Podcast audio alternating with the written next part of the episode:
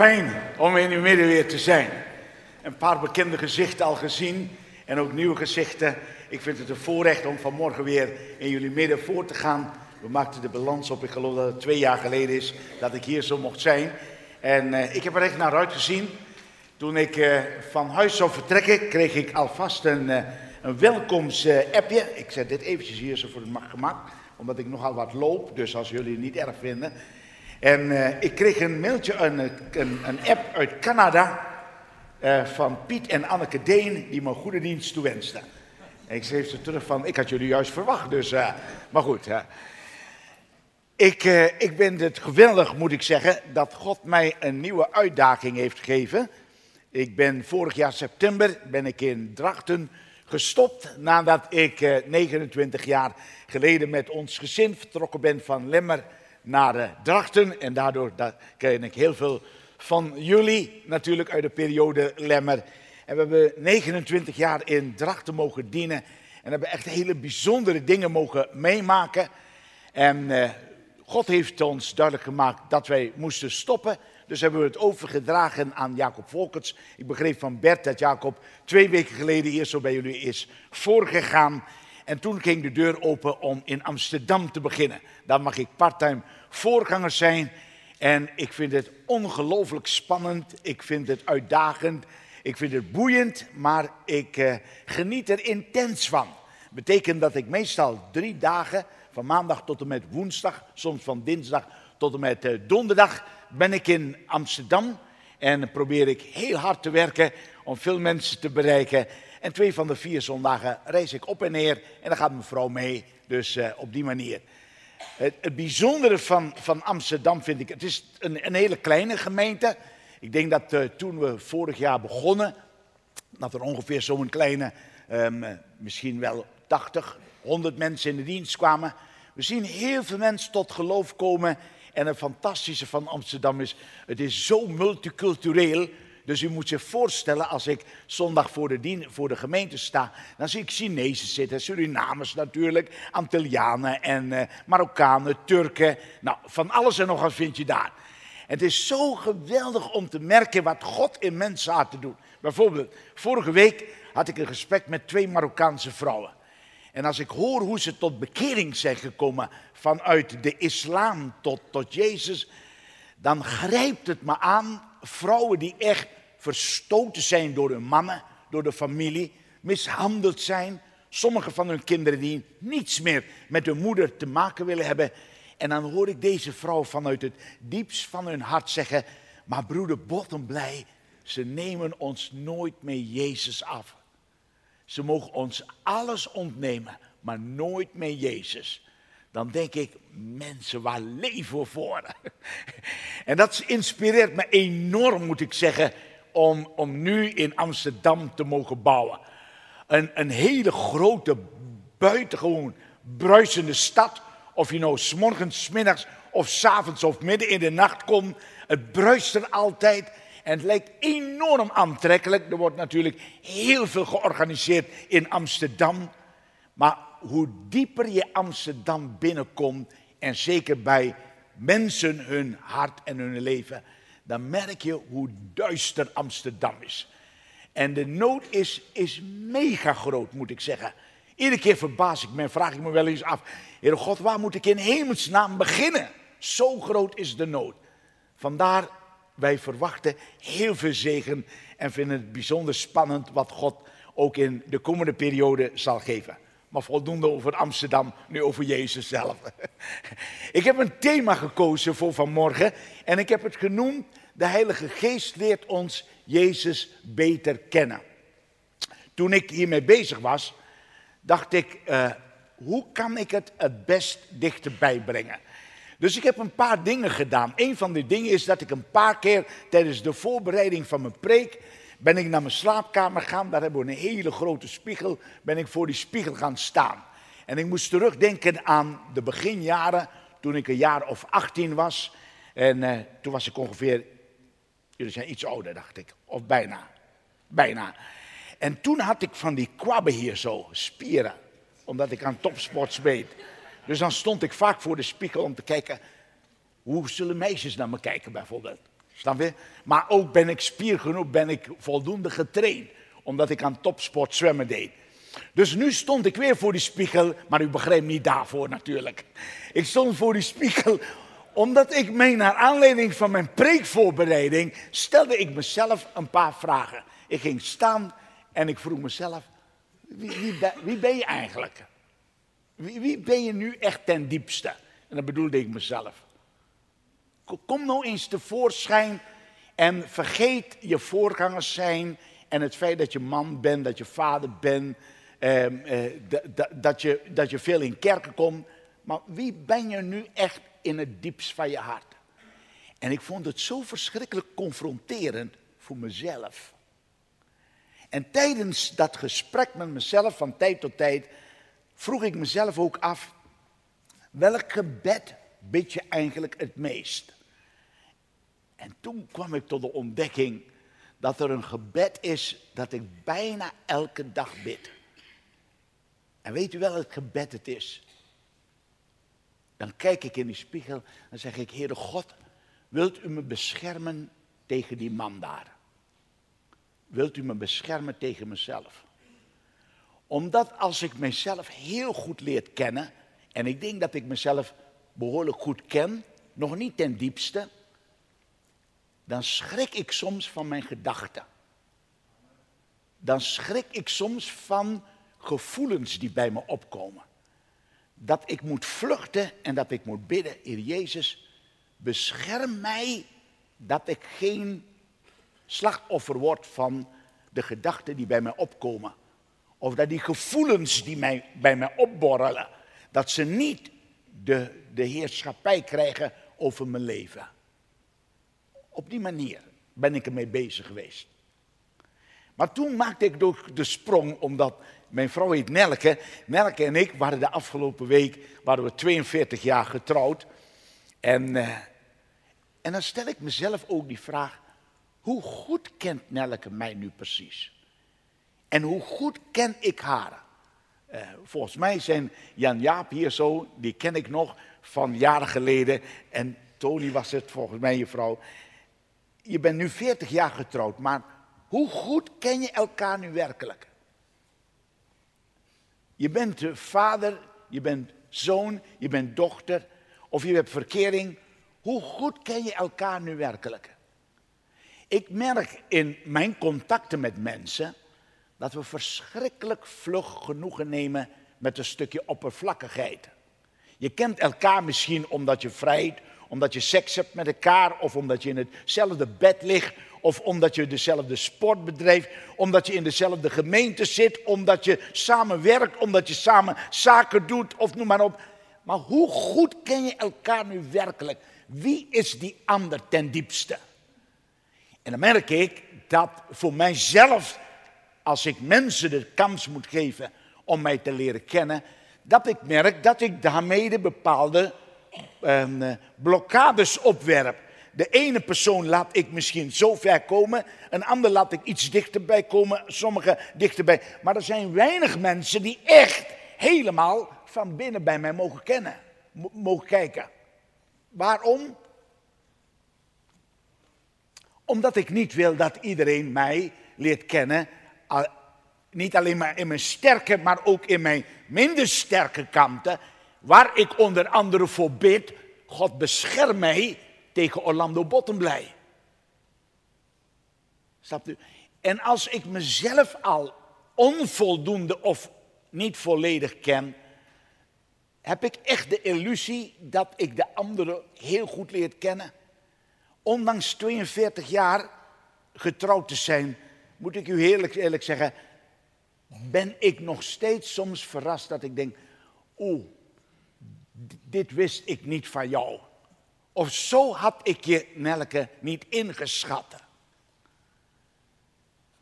En ik denk namelijk, ik denk, lettend op de maatschappij, onze relaties, dat we elkaar vaak niet goed genoeg kennen wie we werkelijk zijn. Dat is de reden waarom zoveel vriendschappen stuk lopen. Je bent hier zo, je bent gescheiden. Dat is de reden misschien dat je man of je vrouw je verlaten heeft.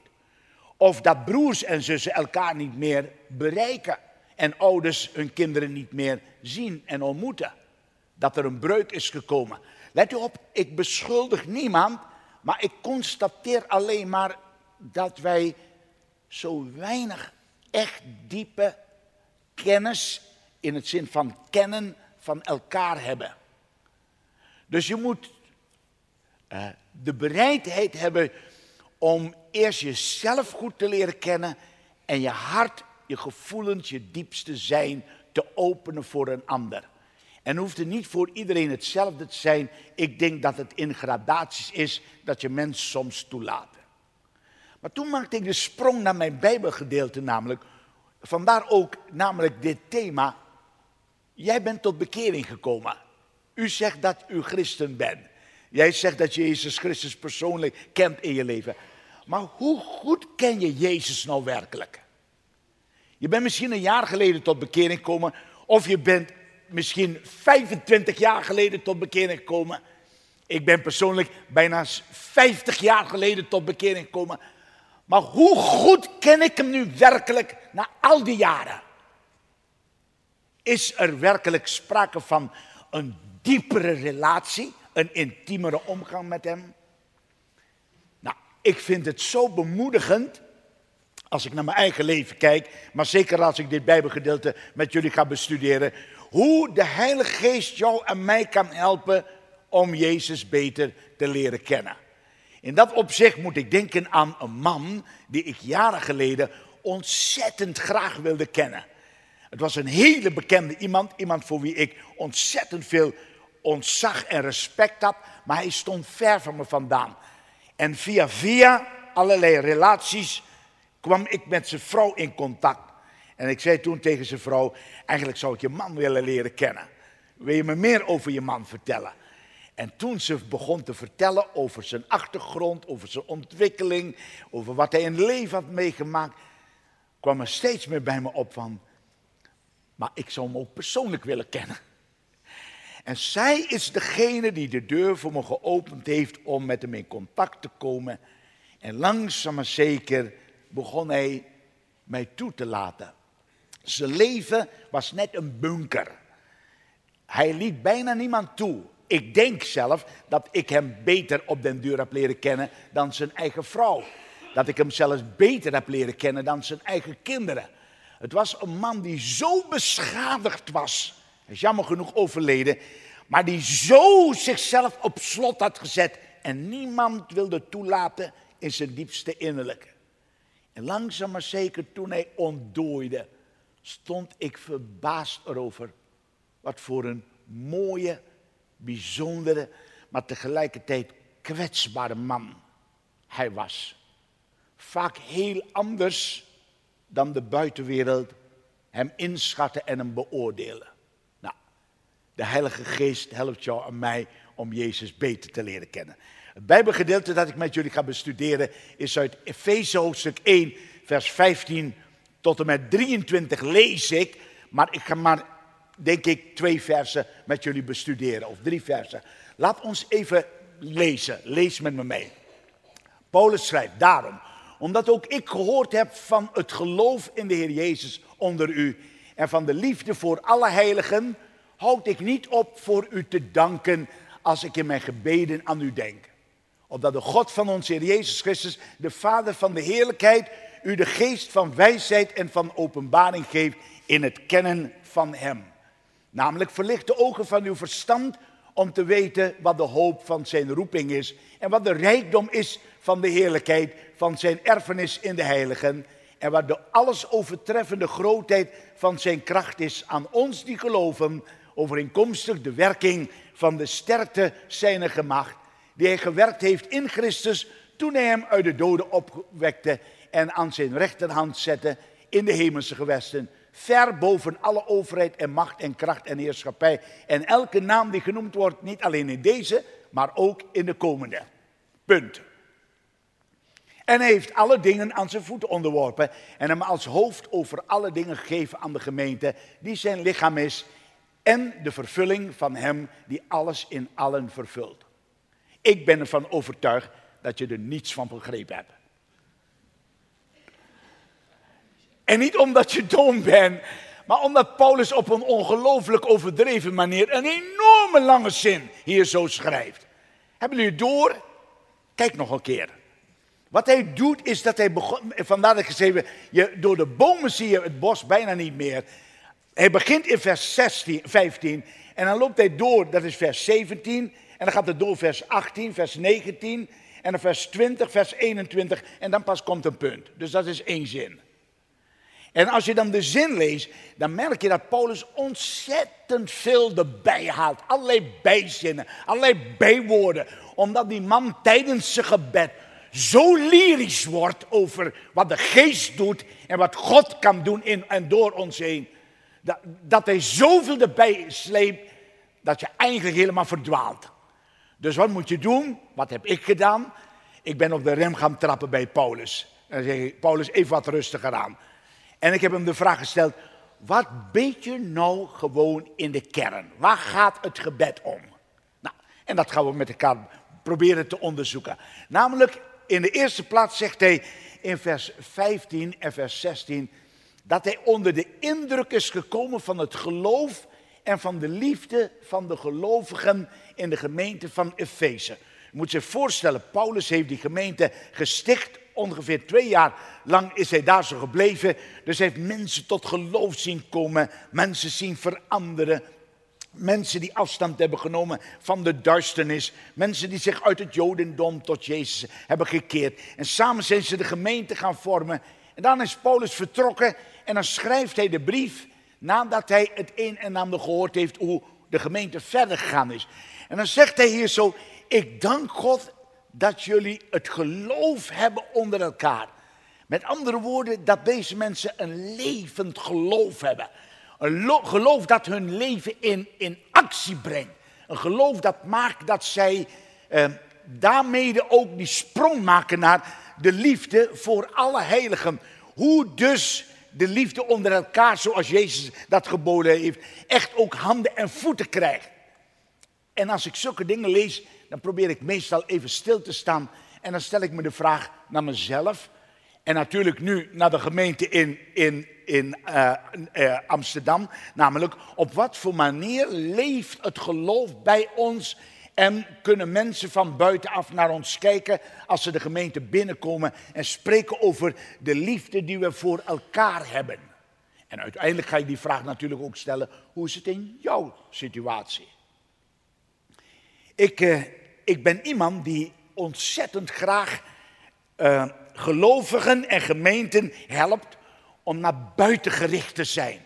Omdat ik nog steeds ervan overtuigd ben dat God jou en mij geroepen heeft en dat Hij ons inschakelt om deze wereld te bereiken met het evangelie.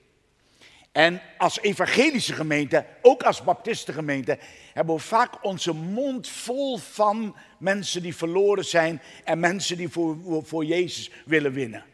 Maar als ik probeer om het voor mezelf heel concreet te maken, en ik heb het voorrecht om best behoorlijk veel gemeenten van allerlei signatuur in Nederland te coachen, dan verbaas ik me keer op keer erover hoe weinig echt daadwerkelijk passie in de praktijk voorkomt om verlorenen voor Jezus te winnen. Mag ik een proef doen bij u? U hoeft geen antwoord te geven, maar om u even wakker te schudden. Als ik u zou vragen, dus ook jullie jongeren, hè, gewoon allemaal zo doorgaande en wij allemaal met een paar honderd zitten we hier zo bij elkaar. Wanneer heb jij nu voor het laatst met iemand gepraat, geen gelovige, een ongelovige, over jouw geloof in Jezus? Wie hij voor jou betekent? Wat hij voor jou is? Als ik deze vraag stel en ik laat mensen echt daadwerkelijk reageren, dan verbaas ik mij erover hoe zelfs onder leiders in de gemeente bijna niemand kan zeggen een jaar geleden of drie jaar geleden. Het is in het verre verleden, toen we misschien net tot bekering gekomen waren, dat we over Jezus spraken. Terwijl eigenlijk het geloof in Hem zal moeten bewerken Of je nou op school bent, of dat je sport, of dat je zaken doet, of dat je op een familiefeest bent, of dat je met vakantie bent. Waar je ook komt, het moet je je podium uitkomen om te vertellen wie Jezus werkelijk voor je is. En de liefde onder elkaar. Ik heb de indruk dat de gemeente van Jezus, dus misschien spreek ik ook vanmorgen tot jou, dat het meer een plek is waar we shoppen. Uh, je shopt wanneer je zondag een keer vrij bent, maar als je moet uh, uitslapen, dan blijf je thuis.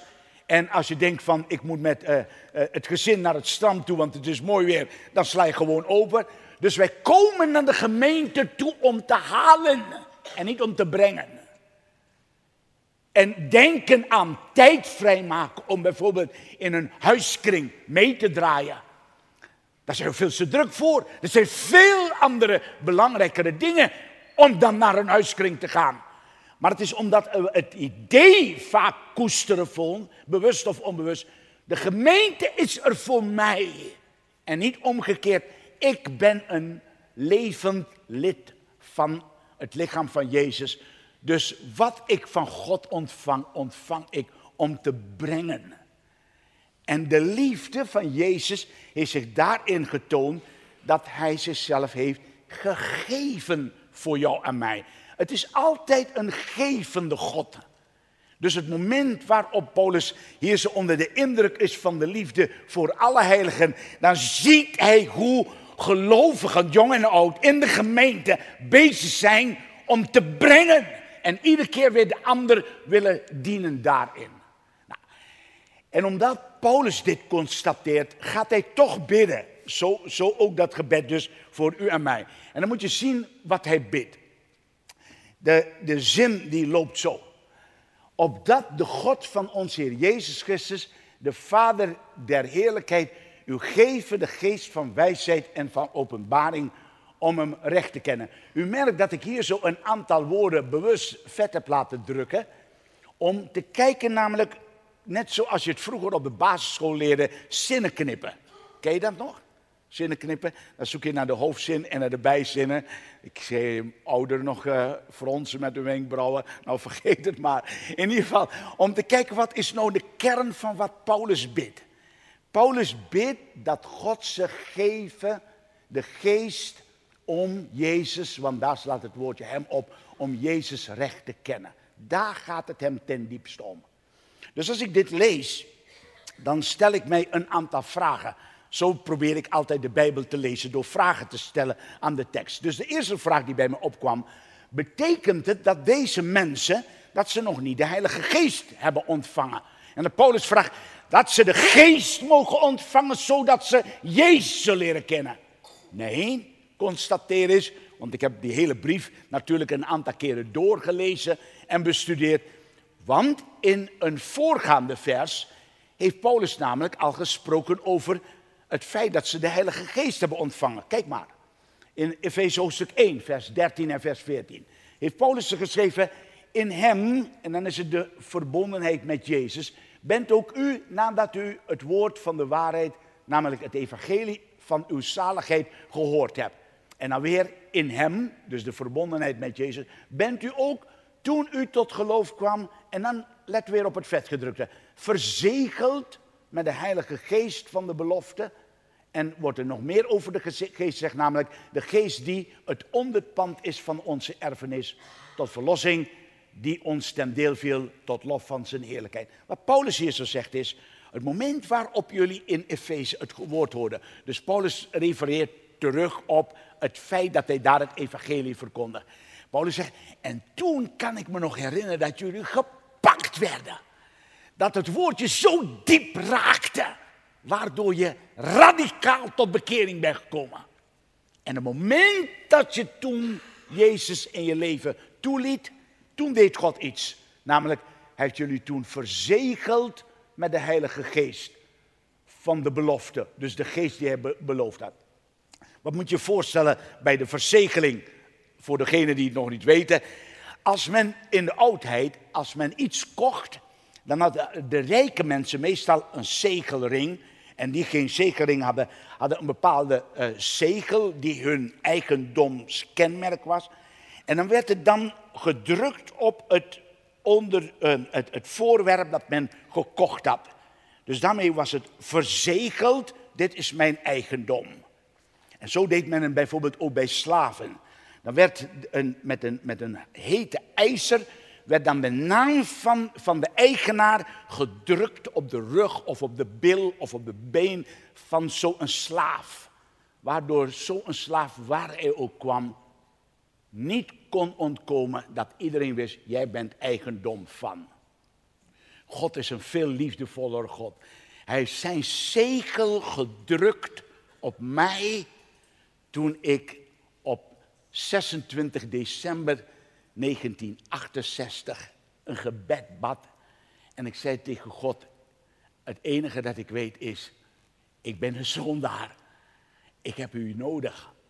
En ik geloof dat Jezus voor mijn zonde gestorven is. Ik voelde geen kriebels in mijn buik. Ik had ook niet een speciale ervaring. Maar ik weet wel 100% zeker, dat is de dag, het jaar, het uur, het moment, de plek waar God zijn zegel op me gedrukt heeft. Door de Heilige Geest die mij is geschonken. Ik ben, je eigendom, ik ben uw eigendom. En hij noemt hem ook tegelijkertijd namelijk het onderpand van onze erfenis. En het woordje onderpand heeft de betekenis van garantstelling. Dus de geest woont in mij, woont in jou, vanaf het moment dat je tot bekering gekomen is. En de geest is de garantstelling dat we deel krijgen aan de erfenis die God voor ons heeft weggelegd. En dat is fantastisch, want mijn leven, en ik denk jullie leven ook, het gaat door diepe dalen. Soms dan denk je, hou ik wel vast. Soms loop je aan de rand en dan denk je, val ik de rechter of de linkerzijde. Soms dan maar heb je het zo moeilijk en de andere keer zit je op de bergtop. Maar geweldig dat de geest jou en mij bevestigt. Het goede werk Bert, het goede werk Karel, het goede werk Hermine, dat ik in jou ben begonnen. Ik zal het tot het einde toe, zal ik het afmaken. Dat is wat Paulus schrijft. Terug naar onze tekst. Dus als Paulus bidt, namelijk dat God u geven de geest van wijsheid en van openbaring om hem recht te kennen, dan ziet u in die bijwoorden de geest van wijsheid en openbaring dat hij niet bedoelt dat ze de Heilige Geest nog moeten ontvangen, maar dat hij bidt om bepaalde extra kenmerken van de Geest die nog veel specifieker zullen gaan werken in het leven van de gelovigen. Dus ook in jouw leven en in mijn leven. En waarom noemt hij hem hier zo de geest van wijsheid en de geest van openbaring? De Heilige Geest heeft verschillende benamingen in het Nieuwe Testament. Natuurlijk sowieso de Heilige Geest, dat zegt ons iets van zijn heiligheid, dat hij deel uitmaakt van de goddelijke drie-eenheid. Maar Jezus noemt hem bijvoorbeeld in het Johannesevangelie vaak de geest der waarheid. Dus wil je echt de waarheid leren kennen, dan is alleen de geest in staat om jou en mij de echte waarheid te leren kennen. De geest wordt soms genoemd de trooster, dat is letterlijk de erbij geroepene, waardoor hij ons kan troosten, maar ook kan aanmoedigen, dat hij ons kan versterken. Dus zo zijn er verschillende benamingen waarin karaktereigenschappen van de geest naar voren komen. En zo dus ook, hier zo, de geest van wijsheid en van openbaring. Laten we proberen om het wat dichterbij te brengen. Ik denk dat uh, het doel waartoe Paulus bidt, is namelijk wat hij zegt om Jezus recht te leren kennen. Vroeger was ik onder de indruk van hoeveel kennis mensen soms van de Bijbel en van uh, uh, zaken rondom de Bijbel konden hebben. Uh, ik heb het vorig gehad om op meerdere universiteiten theologie te studeren. En dan kreeg ik soms colleges van professoren waarbij die mannen echt de Hebreeuwse taal, het Aramees, waarin sommige oud-testamentische gedeelten zijn geschreven, het Grieks, zo ongelooflijk goed kenden. Hoe ze het konden spreken, meteen vertalen, achtergrondinformatie over bepaalde woorden. De, het duizelde me soms als ik hun kennis zag. En dat maakte dat ik enorm veel ontzag voor die mannen had. Maar toen in de tijd in Lemmer, toen studeerde ik nog steeds, dan bezocht ik een paar oudere mensen. Dan denk ik even aan twee mensen. Een oudere zuster van in de tachtig en een oudere broer van in de tachtig. Als ik van college kwam en ik was onder de indruk van die kennis van die professoren, dan kwam ik op een huisbezoek en dan zit ik bij die zuster of bij die broeder. Dan had ik het idee, ik zit aan de voeten van Jezus. Zij verdwenen in het niet bij de kennis van de professoren. Maar als het gaat om het kennen van Jezus, dan kon je het aan ze ruiken. Dan kan je het uit hun leven lezen. En dat is de geest van wijsheid. Namelijk dat de geest in staat is om al onze kennis om te zetten in het praktisch leren omgaan en leven met Jezus in de meest simpele dingen van het leven. Gewoon in de dagelijkse zaken, vanaf het wakker worden s'avonds tot het naar bed toe gaan. Hoe de Heilige Geest ons daarin leidt. Dat is wat Paulus bidt. Heer Jezus, ik vraag niet dat zij superintellectuelen worden, een gigantische hoeveelheid kennis opslaan. Maar dat die kennis wordt omgezet, hoe weinig het ook is, in het leven, in relatie met u, in het omgaan met u. Daarom dat hij bidt om de geest van wijsheid. En het tweede dat hij noemt is de geest van openbaring. Dan moet ik even een geschiedenis erbij halen die het heel mooi verwoordt. Als ik denk aan, uh, Jezus heeft een campagne gehouden. Hij is van noord naar zuid getrokken, van oost naar west. En op een indrukwekkende manier heeft hij het evangelie verkondigd. De mensen riepen iedere keer, wie is deze man toch? Want het gezag dat hij, dat hij uitstraalt, in zijn woorden naar voren komt. Onze schriftgeleerden en fariseeën, die, die, die vallen in het niet bij hem. Maar dat niet alleen. Er kwamen mensen met ziekte. Ik weet niet of jullie wel eens een genezingscampagne hebben meegemaakt van gebedsgenezers. Of het nou is bij opwekking of waar dan ook. Weet u, dan zijn er duizenden mensen bij elkaar. En als er tien of twintig genezen, dan zijn we ontzettend enthousiast. Lieve mensen, bij Jezus wordt iedereen genezen. Iedereen. Niemand gaat ongenezen terug. Kunt u zich dat voorstellen? Je hebt je moeder gebracht. Je zit daar zo met je kind. Je vader is ernstig ziek. Je vriend dreigt te gaan sterven. En Jezus geneest allemaal. En in de derde plaats, mensen komen met enorme demonische bindingen. Dus dat boze geesten in ze wonen. Het moment dat ze Jezus ontmoeten, dan moeten de boze geesten wijken. En Jezus bevrijdt mensen. En als Jezus die campagne heeft gehad, dan trekt hij zich terug naar het noorden van Israël in Galilea bij een plaatsje Caesarea Philippi. En dan gaat hij de balans opmaken. En dan is hij met zijn twaalf vrienden. En zei, jongens, jullie zijn tussen de mensen geweest, hè? Kom op. Wat heeft dit allemaal teweeggebracht? Wie zeggen de mensen dat ik nu ben? En dan komen de zeer teleurstellende antwoorden. Sommigen zeggen dat u Johannes de Doper bent. Weer anderen zeggen dat u Elia bent. En weer anderen zeggen dat u een van de profeten bent. Kunnen ze zich voorstellen, na al deze uitzonderlijke dingen die gebeurd zijn, niemand heeft ontdekt wie Jezus werkelijk is. En dan draait hij de vraag om. Maar jullie dan? Wie zeggen jullie dat ik ben? En dan komt het antwoord van Petrus. U bent de Christus, de zoon van de levende God. En dan moet u het antwoord volgen. Dan zegt Jezus, gelukkig ben je Simon, zoon van Jona.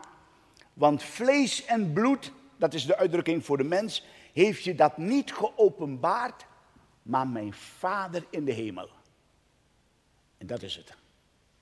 Zoals de Vader alleen maar in staat is om Jezus te openbaren wie hij werkelijk is. Dat is wat deze geest doet, de geest van openbaring. Hij brengt ons dieper en dieper daarin. En dat is ook de reden dat als Paulus het later oppakt, dezezelfde gedachte, dan zegt hij in 1 Korinthe hoofdstuk 2, Namelijk dat we de geest hebben ontvangen. En de geest laat ons weten wat ons door God in genade geschonken is. Waarom? Omdat de geest de diepten van God kent. De geest brengt ons een laagje dieper, een laagje dieper. En mijn vraag aan mezelf, ook aan jou is, hoe ver is de geest in het meenemen van jou om Jezus echt dieper te leren kennen? Of ben je nog steeds bij het feit dat je tot bekering bent gekomen? Ik heb een paar jaar in Brussel mogen studeren, wat nu Heverlee is. En ik weet dat het een aantal jaren geleden is, kwam ik een man tegen, die bezocht onze gemeente in, in Drachten. En ik raakte met hem aan de praat en hij zei, joh, ik heb ook in, in België gestudeerd, maar voor jouw tijd. Ik zeg, vertel eens. Hij zei, man, toen ik afgestudeerd was, maar ook in mijn studententijd. Ik heb Brussel echt wijk voor wijk met een aantal studenten bezocht. En we hebben aangebeld en we hebben mensen Jezus verkondigd. En we stonden midden in het centrum van, van, van het koopcentrum. En we verkondigden zaterdag aan zaterdag Jezus. En dat hebben we jaar in jaar uitgedaan. En ik was onder de indruk van hem. En terwijl hij zo vertelde over die periode, ging het gesprek verder. En toen vroeg ik hem, maar hoe is het nu met jou? En het was alsof hij van een bergtop in een dal terecht kwam. En zei, nou, ah ja. Weet je, er zijn zoveel dingen in mijn leven gebeurd. De Bijbel spreekt me niet meer zo aan. Met andere woorden, het was een voortkabbelend christenleven. En zo kom ik het, jammer genoeg, bij heel veel gelovigen tegen. Je bent tot bekering gekomen, was enthousiast. Je bent gedoopt, je was zo werkelijk vol vreugde en passie. En je bent een paar jaar later en het lijkt alsof je in een stroompje terechtgekomen. En de dingen van het leven, die zijn zoveel belangrijker voor jou geworden dan het kennen van Jezus.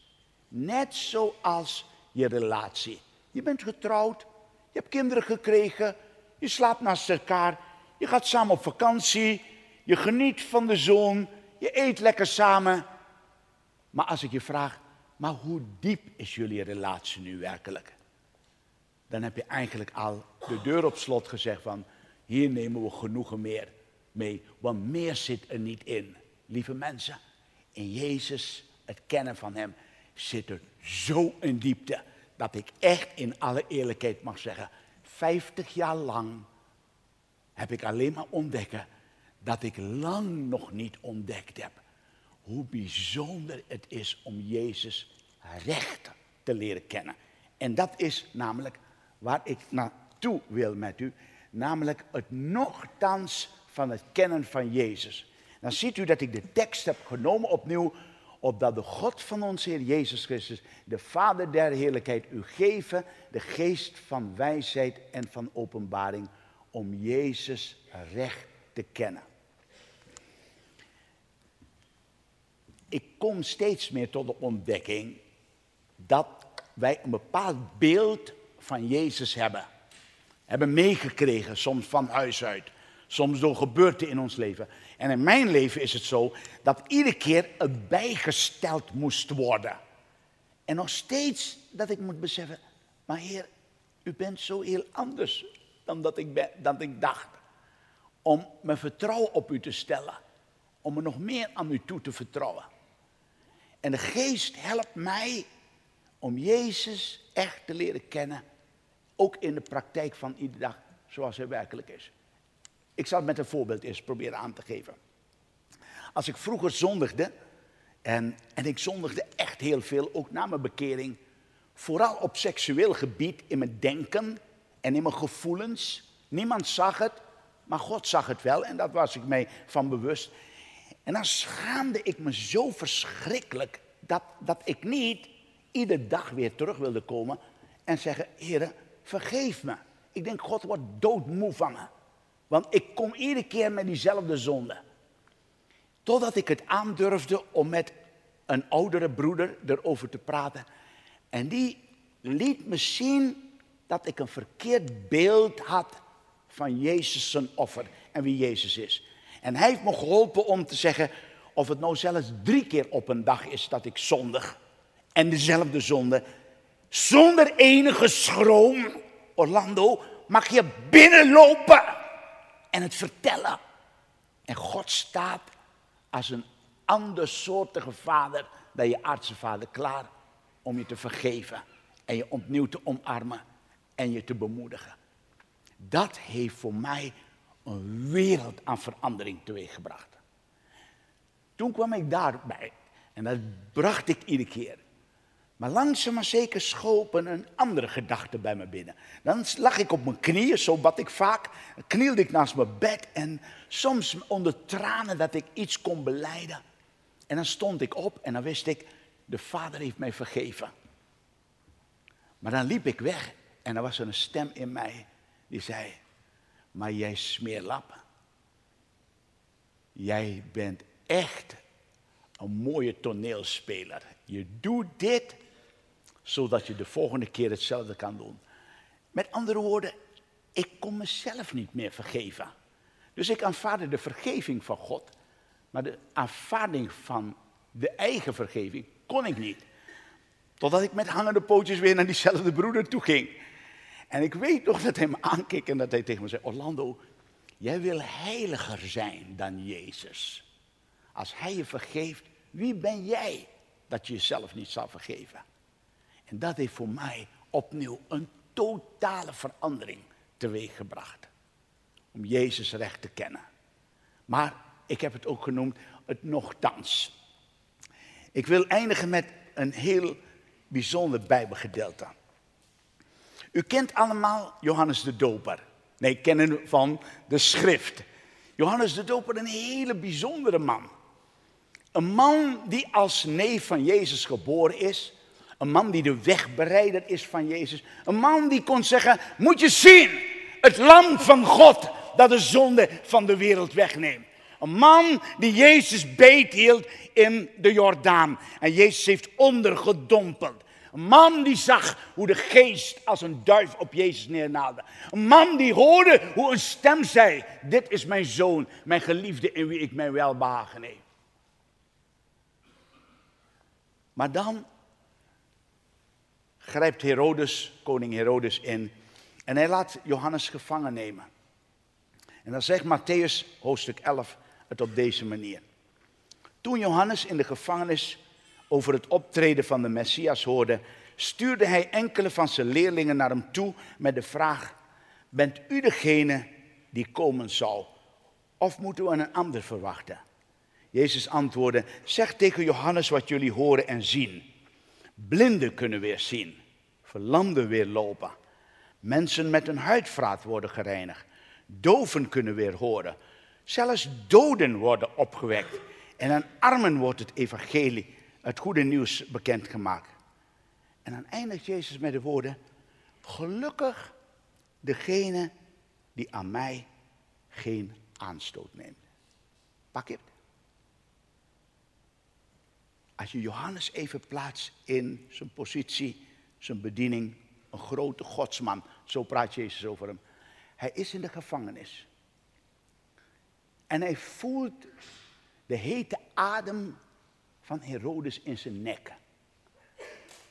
Want hij kent deze man, hoe geslepen hij is. En hij hoort wat Jezus allemaal doet. En dan merkt zelfs Johannes zijn geloof begint te wankelen. De man die zo uitgesproken heeft wie Jezus is.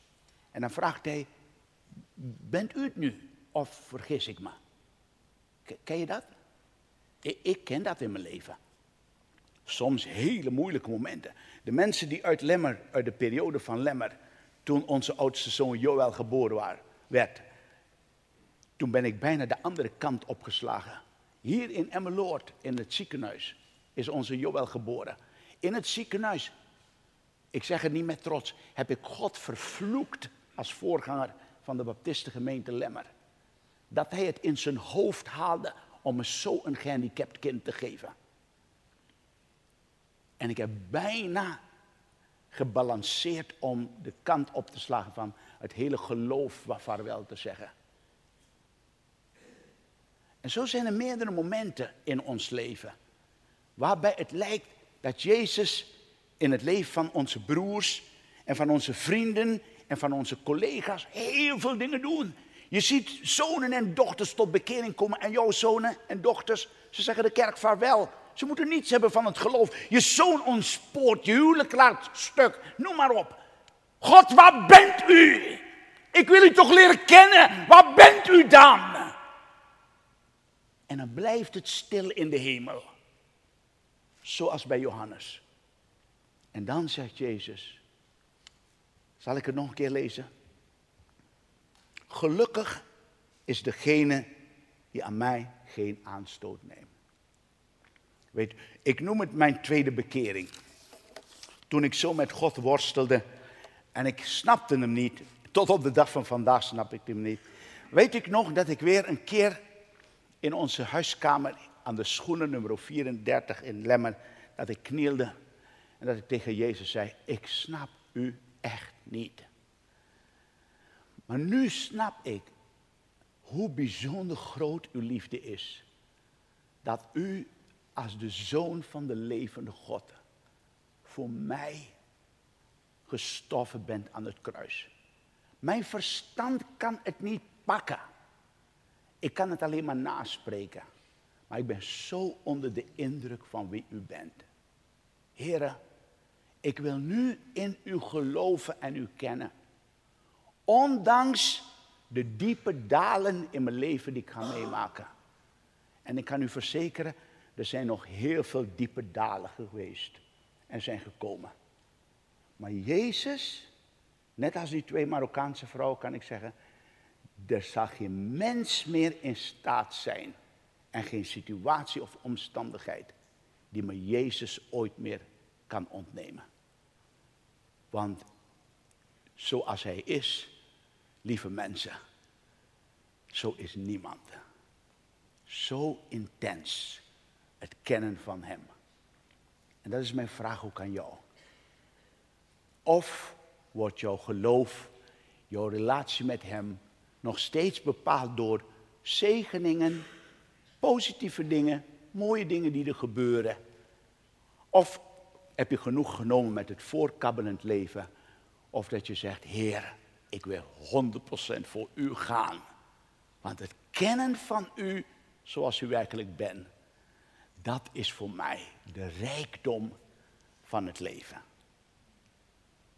Mag ik met u samen danken.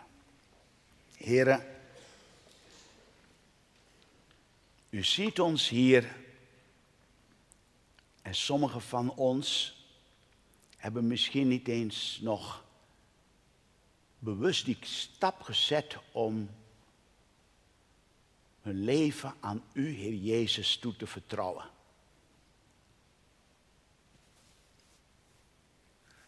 En dan dank ik u dat u naar hen toe komt en dat u zegt, het kennen van mij overstijgt werkelijk alles wat je hart zou kunnen begeren. Geen vrouw, geen man, geen kind, geen baan, geen carrière, geen rijkdom, geen roem. Niets kan die bevrediging en voldoening en geluk geven als dat ik het geef als je mij leert kennen. En ik bid u, Heer, dat voor mensen die hier zo zijn en die nog nooit daarom bewust die stap hebben gezet, dat zij u zullen uitnodigen. Kom in mijn hart, Heer Jezus.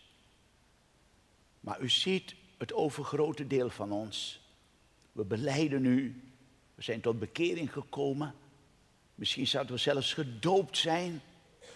We zijn actief. Of we zijn van die bezoekers, die shoppers. En u nodigt ons uit om door de geest die in ons woont, u te leren kennen zoals u werkelijk bent.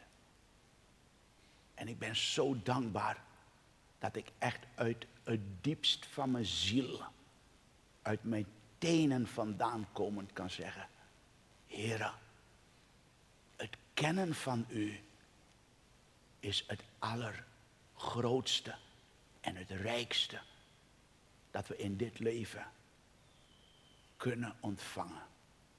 En ik smeek u dat u in het leven van mijn broers en zussen onrust wilt teweegbrengen en het diepe verlangen om de geest de ruimte te geven, de geest van wijsheid en van openbaring, om u nog intiemer en intenser te leren kennen.